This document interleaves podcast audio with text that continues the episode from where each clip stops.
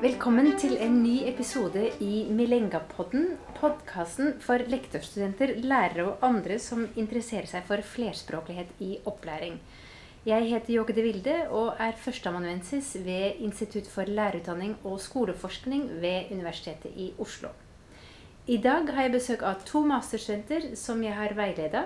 Det er Celine Simers Iversen, UiO lektorstudent i norsk didaktikk, og Victoria Roland, UiO lektorstudent i samfunnsfagdidaktikk. Celine har nettopp levert masteroppgave om ungdomsskoleelevers syn på flerspråklig sanglyrikk i norskundervisning. Og Victoria har skrevet oppgave om hvordan en samfunnsfaglærer og et utvalg nyankomne elever opplever gruppearbeid med oversatte tekster om tema demokrati og diktatur. Velkommen hit, begge to. Tusen takk. Tusen takk. Nå er jeg jo veldig interessert i hvorfor dere valgte å skrive masteroppgave om flerspråklighet. Celine, hvis vi kan starte med deg. Ja, Um, for meg så, så var det en kombinasjon av flere ting. Det er veldig viktig i uh, læreplanen som uh, innføres nå forresten. Og så, og så var jeg med på et spennende eh, inspirasjonsseminar med deg eh, for over et år siden. Ehm, hvor jeg skjønte at det ville være spennende å jobbe med. Eh, og oppgaven min handler jo også om kritisk lesing av tekst, så det har liksom ligget, eh, ligget der en stund som noe jeg har villet utforske mer. Og så, og så fant jeg ut at jeg kunne kombinere de to, da. Da ble det master. Og du, Victoria? Eh, ja, altså i utgangspunktet så eh, fikk jeg interesse for flerspråklighet eh, da jeg hadde praksis. For jeg hadde praksis på en eh, skole som har veldig mange flerspråklige elever. Og da skjønte jeg fort at dette, dette er noe jeg trenger å utvikle kompetanse på. Eh, for jeg følte meg ikke sånn veldig rusta akkurat eh, da jeg starta i praksis der. Eh, men jeg fikk jo bare mer og mer interesse eh, for flerspråklighet. For jeg fikk også erfare at disse elevene har så mye å by på. Og de har veldig mange ulike ressurser og kunnskaper som eh, man trenger å få frem da, og utvikle videre. Og så eh, fikk jeg interesse for flerspråklighet fordi samfunnsfag i seg selv er jo et fag hvor man skal undervise i eh, mangfoldighet, eh, kultur, identitet og ulike samfunnsforhold. Og da eh, syns jeg også at de undervisningspraksisene man har i faget, burde være nettopp mangfoldige. Hvor man da kan f.eks. bruke flerspråklighet og de språkkompetansene elevene har. Så at man i klasserommet faktisk praktiserer det man lærer bort. Og det gleder jeg meg til å snakke mer om med deg, Victoria. For um, flerspråklighet i norsk, der er det jo flere masteroppgaver og, som er skrevet tidligere. Og flerspråklighet har en lengre tradisjon innenfor norskfaget. Men innenfor samfunnsfag så tror jeg det er ganske nytt. Ja, det er også min opplevelse av det. At det er eh, det fokuset på flerspråklighet i samfunnsfag, det er jo nesten, nesten ikke eksisterende. Og det overrasker meg egentlig når faget er så uh, mangfoldig som det egentlig er. Så det har også vært uh, veldig gøy å kunne være med og sette fokus på det i samfunnsfag. Mm. Og da hører jeg at um, for deg, Serine, så har jo flerspråklighet i læreplanen er jo veldig høyt oppe. Og så møtte du flerspråklighet i praksis, Victoria. Og så skal man bestemme seg for masterprosjekt, og da valgte dere begge to flerspråklighet innenfor fagene deres. Men så når man da har gjort det, så må man jo snevre inn eh, og velge en bestemt tematikk. Hvilken tematikk er det dere har valgt? Um, jeg, jeg, valgte å uh, se på hvordan, som du har sagt allerede, hvordan ungdomsskoleelever leser sangtekster, men kritisk, og da også flerspråklige tekster. Så jeg har um, jeg intervjuet to um, to grupper med tiendeklassinger. Og så hadde jeg et uh, case hvor jeg ba dem velge ut to av fire sangtekster som jeg hadde uh, tatt med, til en åttende klasse. Så da, da fikk de liksom ram, en ramme da, for det vi skulle uh, snakke sammen om i, i, de gruppeintervjuene som det ble.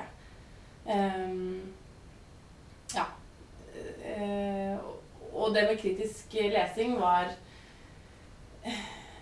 Ja, jeg, jeg har jobbet litt med PISA-prosjektet, eh, som jo hele tiden drar frem det her med kritisk lesing. Og så, så syns jeg selv at det er, det er vanskelig. Det er utrolig mange tekster som omgir oss hele tiden. Og hvis vi ikke har en eh, motstand å møte de tekstene med, så er, blir denne verden veldig rar. Så, så det, det syns jeg er eh, utrolig viktig å jobbe med i, i norskfaget. Og det syns jo også de som har laget læreplanen nå. Der var du heldig. Ja, der var jeg heldig. Så ja, så sånn, eh, sånn ble det til. Mm. Mm. Og for deg, Victoria? Eh, ja, jeg valgte også fordi altså nå, I disse tekstene som jeg har brukt, så er de samfunnsfaglige begrepene demokrati og diktatur.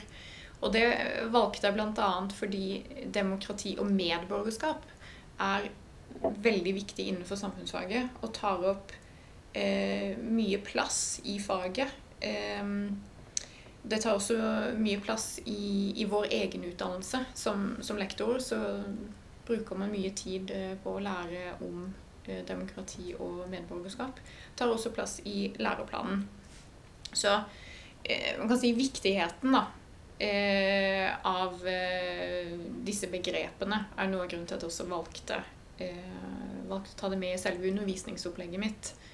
Men også fordi det passa fint inn i forhold til det undervisningsforløpet elevene holdt på med.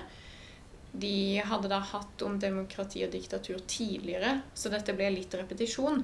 Men det var det også på en måte lagt inn som, altså det var også lagt inn i planen deres da, at de skulle ha det en gang til. Så da passa det liksom bare godt sammen, kan man si. Eh, ja. Så det jeg gjorde, var jo å velge eh, tekster på norsk, arabisk og somali. Det skulle også vært en tekst, det var også en tekst på tigrinja. Men de elevene ville ikke være med i studien, så det falt litt bort da, i selve studien. Um, og jeg fikk eh, hjelp av tema morsmål eh, og NAFO til å få tak i tekster på somali og arabisk. Og så eh, gjennomførte og planla da undervisning sammen med samfunnsfaglæreren. Hvor, de, hvor elevene skulle i grupper jobbe med eh, disse tekstene om demokrati og diktatur. Og så gjennomførte jeg da intervjuer i etterkant da, for å få frem eh, opplevelsene til både samfunnsfaglæreren og elevene. Om hvordan det var å jobbe med disse tekstene. Mm. Um, når dere nå har levert eh, masteroppgave og skal ut i jobb, så håper jeg jo at deres framtidige kollegaer kommer til å spørre dere om hva fant dere? Um, sånn at dere um, ført, får eh, bidratt på deres nye arbeidsplasser. Det er ikke alltid så lett å si hva dere fant, men hvis dere kan si tre ting Ja um, Ja, tre ting. Jeg har jo tre hovedfunn i studien, da. hvor det første, og kanskje noe av det jeg syns er aller mest interessant, er at norskspråket viste seg å ha en veldig stor betydning i, uh, i undervisninga uh, blant lærerne og på den skolen. Uh, skolen hadde innført et tiltak om norsk i alle fag. Og det kom liksom til syne ved at elevene ble eksplisitt bedt om å kun bruke norsk i klasserommene og i undervisninga. De, de fikk ikke lov til å bruke morsmålene sine. Og det, det overraska meg veldig eh, å se at, at norskspråket hadde en så høy status, og eh, det var nærmest som at norsk er liksom eneste, det eneste legitime språket de kan bruke. Og det ble de fortalt gjentatte ganger, da. Og hvis elevene satt i grupper og, og jobba, um, og de brukte morsmålene sine for å forstå, så ble de da bedt av læreren om at det skal de ikke gjøre. De, ble, de, de skal kun bruke norsk. da. Så da ble jeg veldig bevisst på dette med språkideologier. Og jeg fant ut at det er en rådende eh, språkideologi knytta til norsk. Eh, og det, det neste som, som, kom fram, som var spesielt viktig for læreren, eh, var dette med relasjonsbygging og, og viktigheten av å skape trygge omgivelser når elevene skal lære både norsk og samfunnsfag. Og det var noe som var spesielt viktig for han, som han brukte mye, mye tid på. Å skape tillit med elevene og vise at han aksepterte de og for den de er. Eh, og det siste jeg fant ut, eh, som faktisk også overraska meg, da, det må jeg være ærlig på, at eh, både samfunnsfaglæreren og elevene de, de, var veldig ambivalente overfor undervisningsopplegget. Og de viste motsetninger i både det de sa og det de gjorde. Og en kan si læreren i bunn og grunn var positiv. Han var positiv til å teste ut et nytt undervisningsopplegg og syntes at bruken av oversatte tekster var eh, veldig interessant og kunne absolutt være nyttig. Men elevene på sin side de, de var mer delte. De, eh, I selve undervisninga så, eh, så, brukte de språkene sine til å forstå. De brukte somali, arabisk og norsk for å forstå. Og og det var også noe de gjorde til vanlig. Faktisk uavhengig av mitt undervisningsopplegg. Eh, men når jeg da i intervjusituasjonen spurte de om hvordan de opplevde det, og om de kunne tenke seg å fortsette, så, så kom det frem at de eh, Jo, de syntes det var positivt, og de brukte de ulike språkene for å forstå, men de ville ikke fortsette med det. Eh, så der var de da både motsetningsfulle og, og litt ambivalente. Og det, det overraska meg litt. Men det, men det, tror jeg har sammenheng med eh, den eh, språkideologien som jeg fant i eh, undervisninga og på skolen.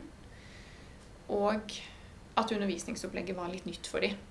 Ja, for jeg skulle til å si at Ditt undervisningsopplegg det bryter jo med den normen som du oppdaga er ved skolen. Den enspråklige normen. Um, når du da skal tenke om overførbarheten av dine funn, hvilke refleksjoner gjør du det der? Eh, dette med å bli bevisst på hvilke språk, språkideologier vi faktisk har eh, i samfunnet, som da kommer til uttrykk i klasserommene våre, og hvilke språkpraksiser og undervisningspraksiser vi har. Og da ja, faktisk bli bevisst på dem, og bli bevisst på hvilken påvirkningskraft de har. Um, ja, og selvfølgelig dette altså Relasjonsbygging er alltid viktig. Å skape trygge omgivelser. Så det har jeg bare blitt enda mer bevisst om også.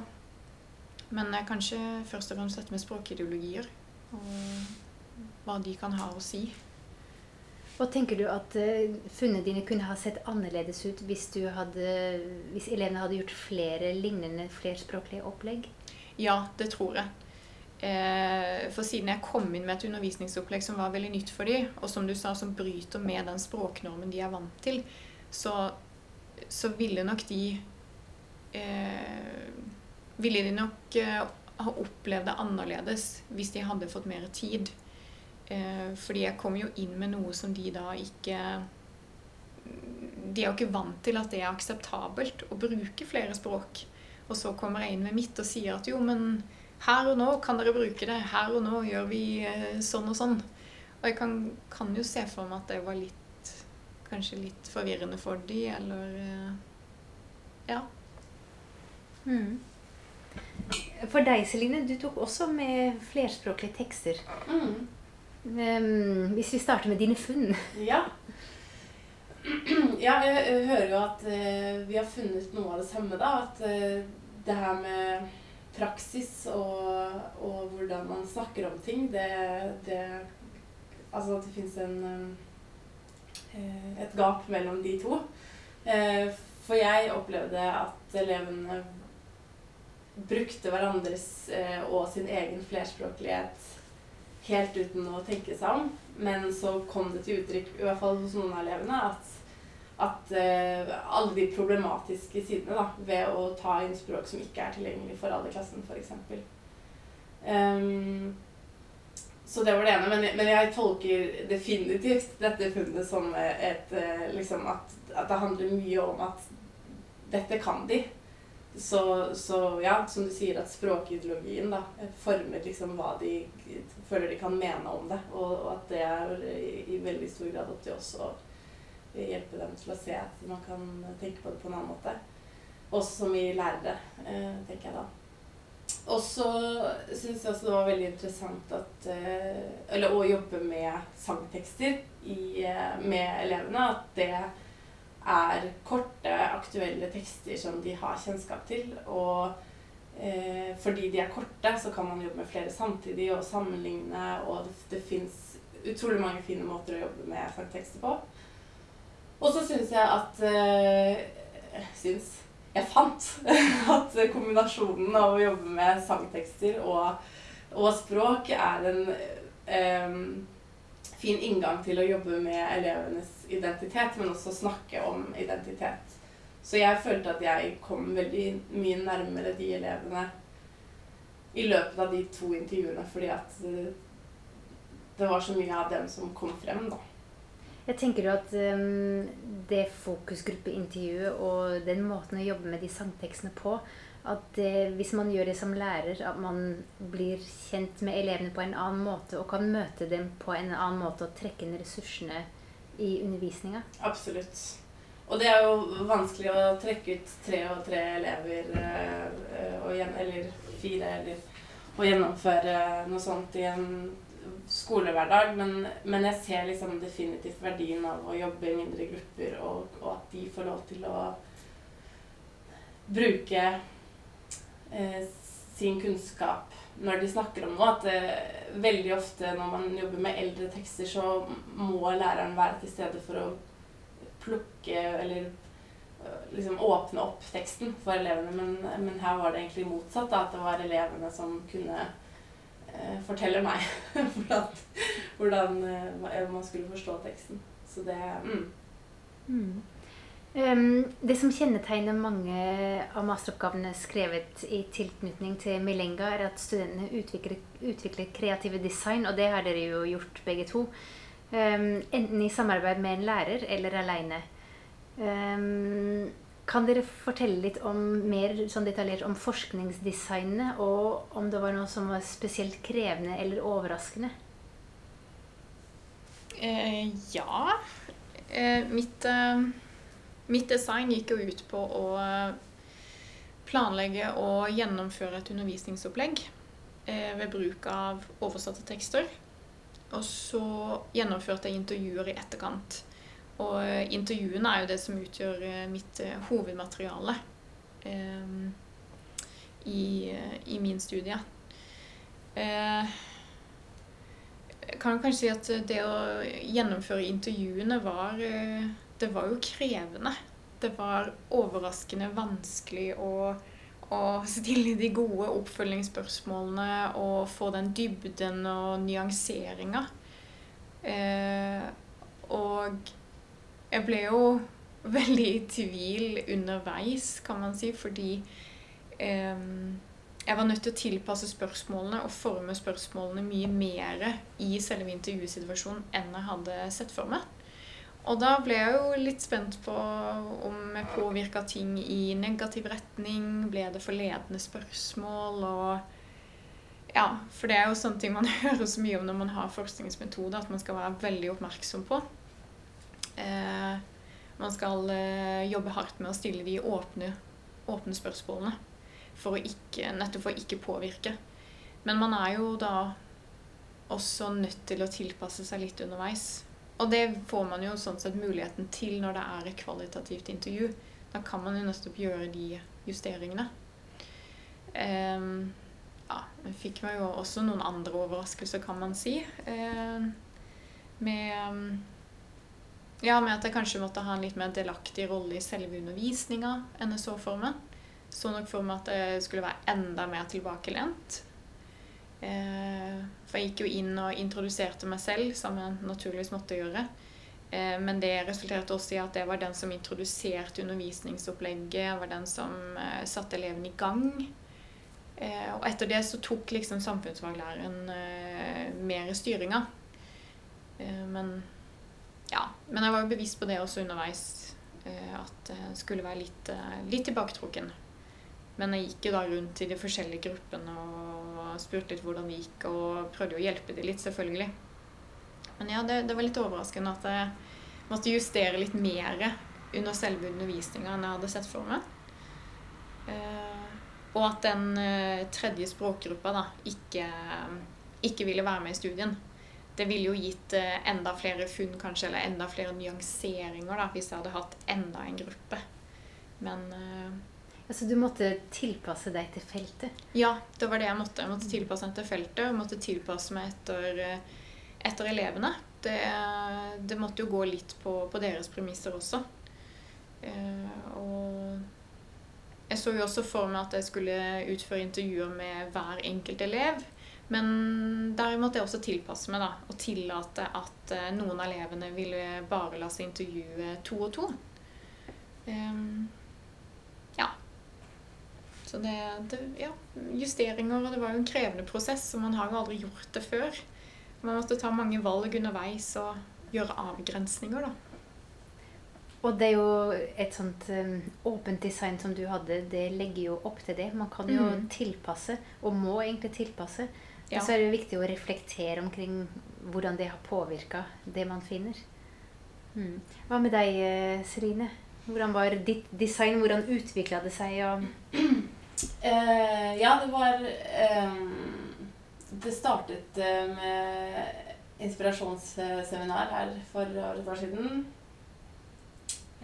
Og hvor liksom begynte å få på plass at jeg ville ha en kritisk tilnærming til tekst som et tema, og flerspråklighet. Og så fant jeg ut at jeg ville ha gruppeintervju, og så har vi snakket eh, mye om og med Tegn på språk-prosjektet i eh, Danmark. Um, så, så det la seg ganske fort, og så, så fant jeg ut at uh, jeg ville uh, få elevene til å se på noen tekster. Og så, og så falt det liksom mer sånn detaljer som hva slags type tekster på plass uh, litt mer etter hvert, da. Ehm, jeg sier eh, mye det samme som deg. jeg syns at det er eh, Ja. Det er, det er en ny situasjon. Eh, og, og det er umulig å forutse alt. Og så nettopp fordi at det er en ny situasjon, så er man kanskje enda mer opptatt av at det man har planlagt, skal kunne gjennomføres. så det er, eh, det er en bratt læringskurve, og noen ganger så klarer man jo ikke å omstille seg fort nok, liksom. Så eh, ja. Det er en veldig lærerikt, lærerik periode. Eh, men det må man bare innstille seg på, tror jeg. hvordan var din rolle under disse intervjuene med elevene? Ja, det var jo en av de tingene som endret seg for meg. da, At jeg trodde at de skulle få lov til å diskutere de tekstene med relativt lite påvirkning eller virkning eller eh, ja, At jeg ikke skulle ha så veldig mye med det å gjøre. Men jeg skjønte etter en pilotering at eh, for å få en sammenhengende samtale, så, så måtte jeg så måtte jeg ta en større del selv. Så da, så da ble det til at det ble en litt sånn ja, mer utforskende samtaler mellom oss. Og det fungerte jo veldig fint. Men eh, da, da, da kom jo en del av meg eh, inn som en faktor også. som, eh, som fikk litt plass da i den oppgaven. mm. Det er kanskje også mer autentisk at som lærer så ville du kanskje ha Mm. vært mer delaktig med elevene også. Ja, og jeg syns det var interessant å se? Det er jo flaut å si det, men at eh, det var veldig interessant å se hvordan jeg reagerte når jeg fikk høre noe jeg ville høre. Som at noen syntes det hadde vært spennende med mer samisk i, i klasserommet, f.eks. Og de gangene jeg fikk kommentarer jeg ikke syns passet, eller liksom At ja. Der jeg håper at jeg tar med meg det videre inn i klasserommet, fordi det opplevdes virkelig som en, en forskjellsbehandling, og jeg tror at i hvert fall jeg kan være litt høyt og lavt, så, så, følelsene kan være store og mange. Og da er det også veldig tydelig når noe er riktig, og når noe er feil. ja, men der hadde jo jeg også en overraskelse for min del, som med det siste, eller det tredje hovedfunnet jeg hadde. Jeg gikk jo også inn i min studie med eh, en, en, nærmest forventning om at dette vil elevene synes er veldig positivt. Å kunne få bruke språkene sine og og, eh, for jeg hadde jo De ble jo brukt som eh, språkeksperter. Siden jeg ikke kan somali, arabisk eller tigrinja selv, så, så overlot jeg jo det ansvaret, den tilliten, til elevene. Eh, og da tenkte jeg som sagt at ja, men dette syns de er veldig positivt. Og så sitter jeg der, og så får jeg faktisk eh, oppleve det motsatte. Mm. At selv om elevene gjør det helt intuitivt, at de bruker språkene sine, så syns de ikke at Nei, de ville egentlig ikke bruke en sånn type undervisningsmetode. Og det syns jeg var så overraskende. Og da var jeg nødt til å omstille meg selv og, og tenke annerledes og tenke nytt. Og liksom, okay, men hvor hører dette hjemme? Og det er også litt sånn jøssenavn. Mm. Da merker man selv at man får noen sånne reaksjoner på hva er liksom de riktige svarene, og hva er de gale svarene. Mm. Så krever at man omstiller seg. Det er også det som er interessant med å se flerspråklighet fra ulike aktører og ulike vinkler. Eh, for teoretisk så snakker vi jo mye om flerspråklighet som en ressurs. Men når man da går ut i felt, så er det jo, oppdager man fort at det er mye mer komplekst enn som så. Mm. Ja, absolutt. Um, og det ser vi jo i begge prosjektene deres. Ja. Um, nå har jeg vært litt inne på det med bruk av tekster på flere språk. Og du Victoria, sa at um, du fikk elevene til å være språkeksperter. Mm. Um, hvordan, du hadde jo ikke tilgang til uh, oversettelsen. Hvordan forholdt du deg til det i datainnsamlingsperioden? Altså, nå fikk jeg jo god hjelp fra Tema morsmål, som, som jobber med flerspråklig kompetanse i skolen. Eh, så jeg tok det jo nesten litt sånn for gitt at dette her er tekster av kvalitet. Fordi siden jeg ikke kan de språkene selv, så fikk jeg ikke muligheten til å kvalitetssikre de. Så jeg tok jo en sjanse der. Og det kjente jeg jo på da jeg gikk inn i eh, undervisning, at jeg tar en sjanse med disse tekstene. Eh, og stoler på de aktørene jeg da har samarbeida med. Og de er dyktige, så det er jo ikke det. Men jeg uh, fikk jo den opplevelsen av at det var uh, feil i den ene teksten. Uh, det, opplevde, altså, det fikk jeg veldig fort tilbakemelding på av eh, de arabiske elevene. At det var noe feil i oversettelsen der. da. Og det syns jeg var veldig synd, fordi det gjorde at deres opplevelse av teksten ble nok litt mer utfordrende, og kanskje påvirka det i mer negativ retning, da. Um, men eh, pga. den opplevelsen så fikk jeg jo med hjelp fra du, Åke, eh, kontakt med tre eksterne parter som så på tekstene og vurderte de. Og da ble det jo bekrefta at det var feil i den arabiske oversettelsen. Eh, men den eh, parten som så på den teksten, sa at det er kun i innledninga her. Resten av teksten stemmer. Eh, men det kom også fram at det kan hende at det har påvirka elevene. Um, ja, men den somaliske teksten, den, der var oversettelsen korrekt. Og det samme gjaldt med den teksten på tigrinja. Selv om den ikke inngår i studien, da. Men det Men ja, det, det gjorde det jo litt ekstra spennende, da. At uh, Å gå inn med noe du ikke har uh, noe dybdekunnskap om, da. Jeg hadde jo selvfølgelig kunnskap om begrepene og faginnholdet gjennom den norske teksten.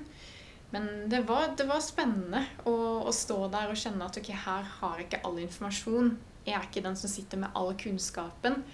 Og jeg måtte jo liksom gi fra meg litt av den, den ekspertrollen, da. Så Gjerne. Ja. Mm. ja. Men jeg kan jo bare avrunde med å si at uh, jeg tror også det har vært eh, viktig å vise den tilliten til de elevene og gi elevene den ekspertrollen som et ledd i å anerkjenne deres ressurser og anerkjenne den flerspråklighetskompetansen de har. da. Så ja, jeg tror, jeg tror det også var et viktig steg, selv om man ikke kan språkene. I dine tekster Celine, der er det jo noen språklige ressurser som elevene kan. Mm. Eller noen av elevene, som arabisk. Men så hadde du jo også med samisk, som Mm. ingen av elevene kunne. Hvordan opplevde du å jobbe med tekster mm, som jo Du hadde jo ressurser på mange ulike språk. Mm. Eh, ja, det, det er jo litt sånn som du sier, at man må gi slipp på en kontroll man er vant til å ha. Eh, og jeg gjorde det litt forskjellig i de to intervjuene. At den ene gruppa fikk eh, oversettelse av den samiske teksten. Det var ganske store tekstbolker, så hadde ganske mye å si for forståelsen av teksten. Så den ene gruppa fikk ikke oversettelse, og den andre fikk. Um, og det hadde også veldig mye å si for hvordan de var innstilt da, eh, til å, eller hvordan deres innstilling til å bruke samisk i klasserommet var. Men, eh, men de var allikevel veldig nysgjerrige på det samiske. Så det syns jeg var veldig, det var veldig spennende. Det kan jo være at eh, Som vi har vært inne på allerede, min entusiasme smittet litt over på dem. Men eh, eh. Jeg, jeg opplevde det som eh, som helt liksom fint og, og Eller helt eh, overkommelig å ta Jeg kjenner folk som kan de forskjellige språkene, som kunne gi meg oversettelser, og, og det var eh, Det var noen som syntes det var mer spennende enn andre, men, men jeg ble positivt overrasket over, eh, over hvordan det gikk allikevel. Mhm. Em, til høsten så skal dere jo begge to ut i jobb.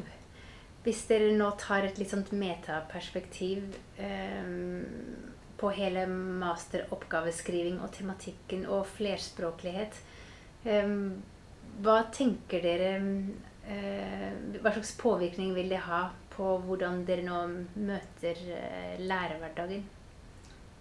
Jeg tenker at, eh, at jeg har lært at det ikke er så farlig å prøve ut nye ting. Um, og også at jeg er mer utholdende enn jeg tror.